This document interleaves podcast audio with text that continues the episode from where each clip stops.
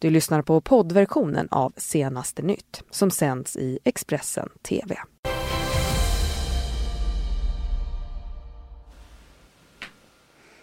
Jag säger god morgon och vad härligt att just eh, ni är med oss här eh, i Senaste nytt eh, denna söndag med mig Johanna Gräns. Vi ska nu höra vad som är våra huvudrubriker denna morgon. Centerpartiet i botten bland väljarnas förtroende. Det visar en ny mätning från Expressens Demoskop. Polisen vet inte vem mordoffret är. Fortfarande ingen gripen efter Airbnb-mordet i Täby. Och efter en stor dramatik vann till slut Finland guld i JVM. Vi får en direktrapport från Kanada. Ja, den man som eh, dog igår efter en fest i ett radhusområde i Täby norr om Stockholm efter att ha blivit skadad av ett eh, knivliknande föremål är fortfarande inte identifierad. Men enligt uppgifter till Expressen är den döde mellan 15 och 20 år. Under gårdagen har polisen drivit en, ett intensivt förundersökningsarbete och pratat med flera personer. Ägarna till den eh, aktuella fastigheten var inte på plats under festen och enligt uppgifter eh, så var radhuset uthyrd via uthyrningstjänsten Airbnb till två kvinnor i 20-årsåldern. Ingen person sitter i nuläget frihetsberövad misstänkt för mordet. Vi ska nu så till politik. Höstens utdragna regeringsförhandlingar, ja, eh, de tär på väljarnas förtroende eh, för politikerna. Sämst betyg får Centerpartiet. Ja, det här visar en ny eh, undersökning från Demoskop. Hösten har inte varit något särskilt stolt ögonblick för rikspolitiken i allmänhetens ögon. Det framgår av en mätning som Demoskop gjort på uppdrag av Expressen.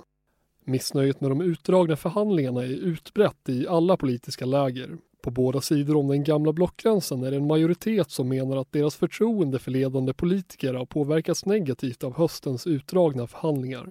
75 procent av samtliga av de tillfrågade i undersökningen uppger att förtroendet minskat något eller påtagligt. Störst missnöje finns hos SD-väljarna där hela 85 procent uppger att deras förtroende minskat påtagligt. När det kommer till partierna så får Centerpartiet sämst betyg.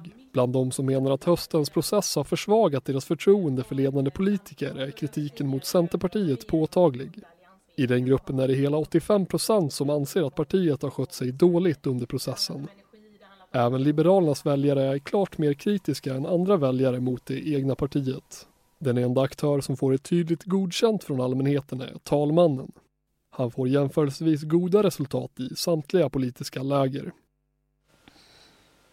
Vi ska till USA nu för i, eh, igår så är det hela 15 dagar som nu delar av eh, landets eh, statsapparat har varit stängd och konsekvenserna blir nu allt tydligare när många eh, statsanställda är osäkra på när nä nästa lön kommer. Eh, medan ledare möttes i Washington så funderar andra på vilken effekt det hela har på luftfarten. När situationen med den delvis stängda statsapparaten i USA gick in i vecka tre på lördagen så möttes vicepresident Mike Pence, säkerhetsminister Kirsten Nielsen och Trumps svärson Jared Kushner inför möten med kongressens ledare. Pence twittrade senare detta foto och uppgav att det var en produktiv diskussion om gränssäkerheten som kommer fortsätta på söndag. Men en sak som inte blev som förväntat var en lönehöjning för högt uppsatta ledare, bland annat vicepresidenten. På fredagskvällen uppmanade personalkontoret myndigheterna att hålla på förväntade löneökningar. Hundratusentals statligt anställda och konsulter är nu osäkra på när de kan vänta sig nästa löneutbetalning och ännu mindre en lönehöjning. Den så kallade shutdown leder till att personer inom transportsäkerheten som är uppmanade att arbeta utan lön sjukanmält sig på minst fyra stora flygplatser. Och det sätter också press på flygkontrollen. We've got people working who don't know when they're going to get paid. We were last paid December 31st. The next scheduled paycheck would be January 15th. Um, we've been told that if there's no resolution by January 11th, that paycheck will not come. So you're already in a highly stressful, in a, in a very stressful job. And now when you go home, you're thinking about how am I going to pay my mortgage? How am I going to pay for childcare? President Trump twittrade på lördagsmorgonen att han inte bryr sig om att de flesta arbetare utan lön är demokrater utan att han vill få stopp på situationen så snart en överenskommelse om gränskontrollerna är nådd.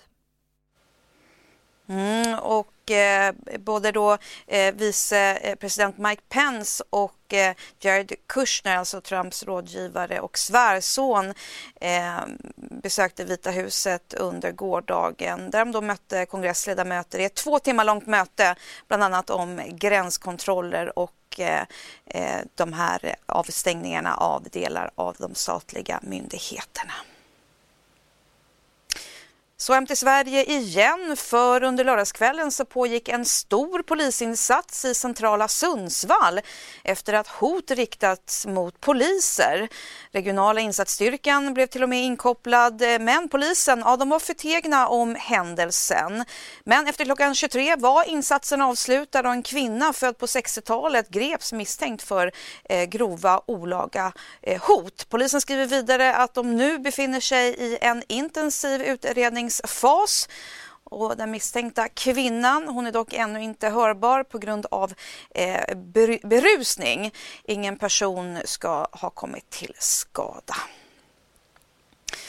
I Expressens artikelserie om hemlöshet så berättar vi om de hemlösa eh, som lever ett hårt liv fyllt av faror, svek och ensamhet. Men också om gemenskap och drömmar om något bättre. Och idag så ska vi berätta om Jonas som förlorade 4 miljoner och hamnade på gatan. Men nu behöver han inte sova utomhus längre för efter Kvällspostens reportage om Jonas som publicerades i november november så valde tvåbarnspappan Björn Claesson att eh, erbjuda hemlösa Jonas en plats i sitt eget hem. Mussan och knäckte en idé i huvudet på mig som växte. Det var bara att ta steget. Ja, man växer ju som människa när man kan hjälpa någon annan. Tvåbarnspappan Björn Claesson var en av många som läste Kvällspostens reportage om hemlösa Jonas i Kristianstad. Han bestämde sig för att hjälpa till och nu har Jonas en sovplats i familjens hus. Jag fick eh, mejlkontakt med personen och eh, ja, vi mejlade några gånger fram och tillbaka och sen körde in och hämtade han i stan. Och hur, hur var det då första, första natten där? Skräckblandad förtjusning. Både spännande och nervöst. Eh, men mest roligt efter när man hade suttit och snackat ett tag. Det var nervöst när man kom hit och sådär men Eh, Björn är en väldigt trevlig person så att det har gått så bra som helst. Just det att få vara inomhus är väldigt uppskattat. Ett affärsmässigt felbeslut kostade Jonas 4 miljoner och hans bostad. Han tillhör den grupp av hemlösa som ökar mest men som myndigheterna har svårt att få grepp om. Individer utan missbruksproblem och psykisk ohälsa. När han delade med sig av sin berättelse i Kvällsposten ville många hjälpa till. Just att de kan eh, kanske känna igen sig i en person som inte har missbruksproblem och det kan, hade kunnat vara de som hade hamnat i min situation. Och hur ser du på framtiden nu för din del? Den ser ljusare ut efter den förra artikeln. Det är många som har hört av sig, många som vill hjälpa till att eh, hitta jobb och eh, lägenheter och boende och sådär. Och sen har man träffat nya människor också så att som har blivit, ja det blev nya vänner helt enkelt. Nytt kontakt, eh, och så. Vad skulle du vilja säga då om, om, om fler vill hjälpa till eller fundera på att göra det? Vad, vad skulle du vilja säga nu när du faktiskt har gjort det? Att det är inte så svårt. Det är rätt så enkelt. Det gäller bara att känna av vad det är för människa. Mm, mer om det här kan du läsa på Expressen.se. Ibland blir det tvärkast här i senaste nytt och det blir det nu för nu ska vi över till sport och eh, den dramatiska VM-finalen, eh, eh, eh dramatiska JVM-finalen ska jag säga mellan Finland och USA. Och till slut så blev det vårt grannland Finland som tog sitt femte JVM-guld.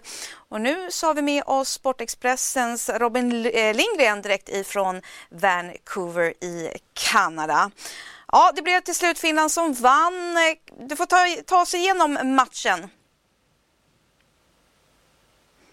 Match eh, mållös första period med USA som satt i förarsätet och ja, spelade ut Finland långa stunder. I andra perioden sen kunde Finland få in ett mål som gjorde att i tredje perioden hade de ledningen och sen tidigt utöka till 2-0.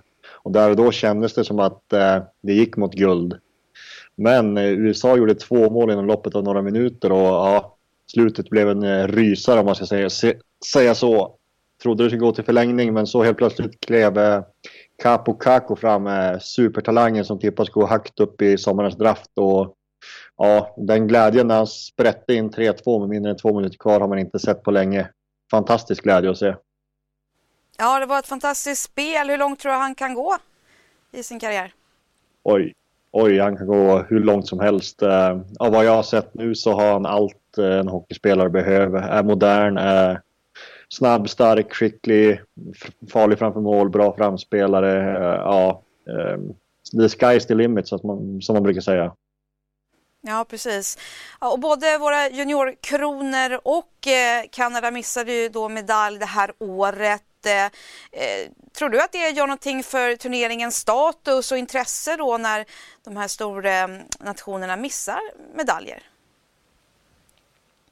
Ja, alltså det, är, det är klart att det har varit bättre drag om Kanada spelar final, men eh, Kanada är Kanada och hockeyn är ju religion så att även fast att de inte spelar så var det ju nästan fullsatt idag och stundtals hur bra stämning som helst. Så att eh, just statusen tror jag faktiskt inte skadas. Sen att Sverige spelar final är väl bara uppskattat här i Kanada. De gillar ju inte svenskar så att säga. Mm. Men ska vi vara lite oroliga ändå här på hemmaplan att Finland nu rycker ifrån i medaljligan?